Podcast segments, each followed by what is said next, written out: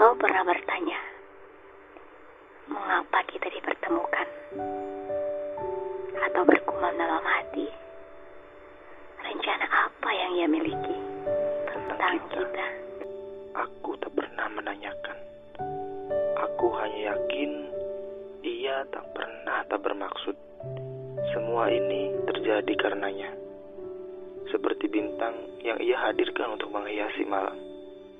Kau tahu bahwa hanya kepadanya kita menyembah dan memohon pertolongan.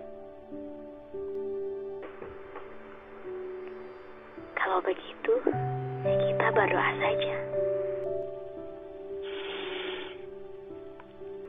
Semoga Semoga apa yang kita apa yang kita inginkan inginkan juga juga maksud maksud dia ia mempertemukan.